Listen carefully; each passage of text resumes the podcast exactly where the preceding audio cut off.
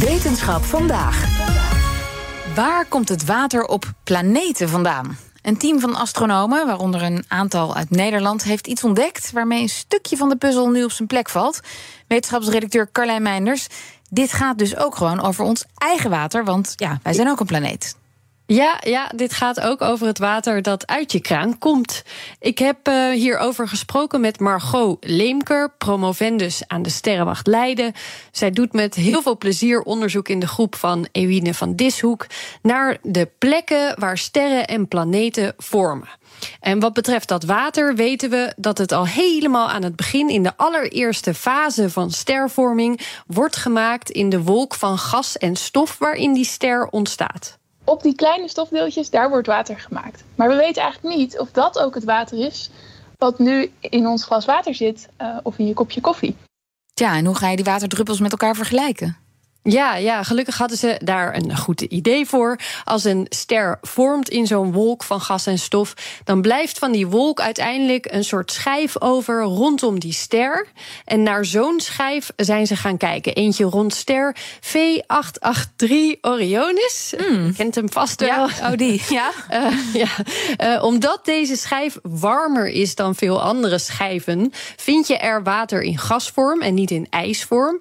En die gasvorm, die die kan met het ALMA Observatorium in Chili worden bekeken. Ze kunnen zo zelfs iets zeggen over de samenstelling van het water. Bijvoorbeeld hoeveel zwaar water zit erin en hoeveel normaal water. En we weten wat die verhouding is in de allereerste fases, dus die wolken waar ik het eerder over had. En we weten wat het is in de laatste fases. Dus we weten wat het op aarde is, maar ook in kometen. En wat we wilden weten was, wat gebeurt er tussenin? Ja, en wat zagen ze toen ze naar die verhoudingen keken? Nou, eigenlijk dat ons water niet normaal oud is. Wat we zien is dat die verhouding eigenlijk best wel hetzelfde is. En dat betekent dus ook dat het water wat wij in die protoplanetaire schijf zien, dus hetzelfde water is als wat gevormd is in de eerste fases en ook uiteindelijk in kometen belandt.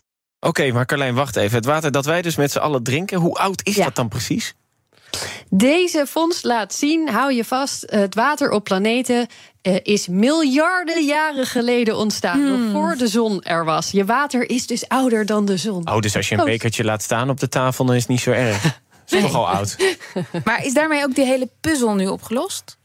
Uh, er zijn uh, altijd nog meer vragen te stellen, natuurlijk. Uh, nog meer details over dat water te vinden. Dat willen ze bijvoorbeeld gaan doen met de Extremely Large Telescope, die nog wordt gebouwd. Daarmee kunnen ze straks water gaan bekijken in het gebied waar aardachtige planeten vormen. En Leemker zelf is ook nog wel ergens benieuwd naar iets wat je vindt in die schijven. We hebben natuurlijk gasfasewater en bevroren water. En dat betekent dus ook dat er ergens een plek is waar water van gas naar ijs gaat. En dat is wat we een sneeuwlijn noemen. En dat vind ik zelf heel interessant, want dat is een plek waar planeten misschien makkelijker vormen. En uh, ook waar de chemische samenstelling van het gas en stof gaat veranderen, omdat zoveel water opeens van het gas naar het ijs gaat.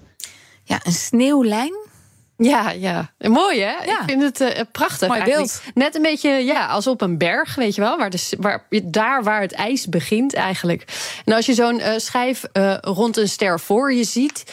dan zit natuurlijk de binnenkant van die schijf dicht bij de ster. Daar is het warmer. En de buitenkant zit verder weg. Daar is het kouder. Dus ergens op dat vlak wordt het warm genoeg... om van ijs naar gas te gaan. En dat is de sneeuwlijn. En, en wat vertelt die sneeuwlijn de onderzoekers dan, ons? Uh, dat zou je bijvoorbeeld kunnen linken aan exoplaneten. Uh, kun je bijvoorbeeld uh, aan de moleculen van zo'n planeet zien of die boven of onder de sneeuwlijn is ontstaan. En dan heb je weer een link tussen die schijf, het beginnetje, en de uiteindelijke exoplaneet. Dat is super interessant, maar niet makkelijk om te bekijken. Nee, en, en die schijven, komen die veel voor?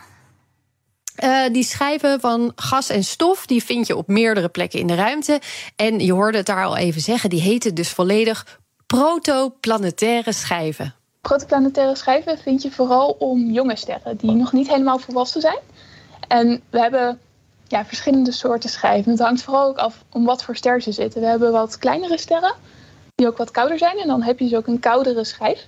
En we hebben ook wat warmere sterren en dan heb je een warmere schijf. Je hebt hele warme sterren. Om zo'n soort ster zit de schijf waar wij naar hebben gekeken. En um, bijna alle schijven laten ook structuren zien... waardoor we kunnen zeggen van... hé, hey, waarschijnlijk zitten er planeten. Zo'n schijf is niet mooi plat, maar er zitten ringen in en gaten. En waarschijnlijk zit in zo'n gat een planeet. Dus je vindt er naast water en een sneeuwlijn dus ook nog planeten. Ja, ja, zeker. En, en wat betreft die mogelijke planeten, daar kun je nog op verschillende manieren naar zoeken. Die zijn nog niet veel gezien in zo'n schijf. Uh, als de planeet oud en zwaar genoeg is, dan zie je echt een gat. Uh, de aarde zou dan weer te klein zijn om op die manier te kunnen zien. Een planeet zo groot als Jupiter, de grootste planeet van ons zonnestelsel, zou je misschien wel zo kunnen spotten.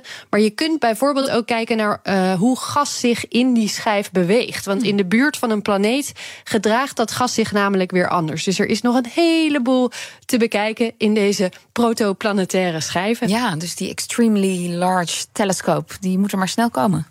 Dankjewel. Ja, die Carlijn. gaat uiteindelijk helpen. Daden zijn duurzamer dan woorden. Bij PwC geloven we dat de uitdagingen van de toekomst vragen om een ander perspectief. Door deze uitdagingen van alle kanten te bekijken, komen we samen tot duurzame oplossingen. Zo zetten we duurzaamheidsambities om in acties die ertoe doen. Ga naar pwc.nl.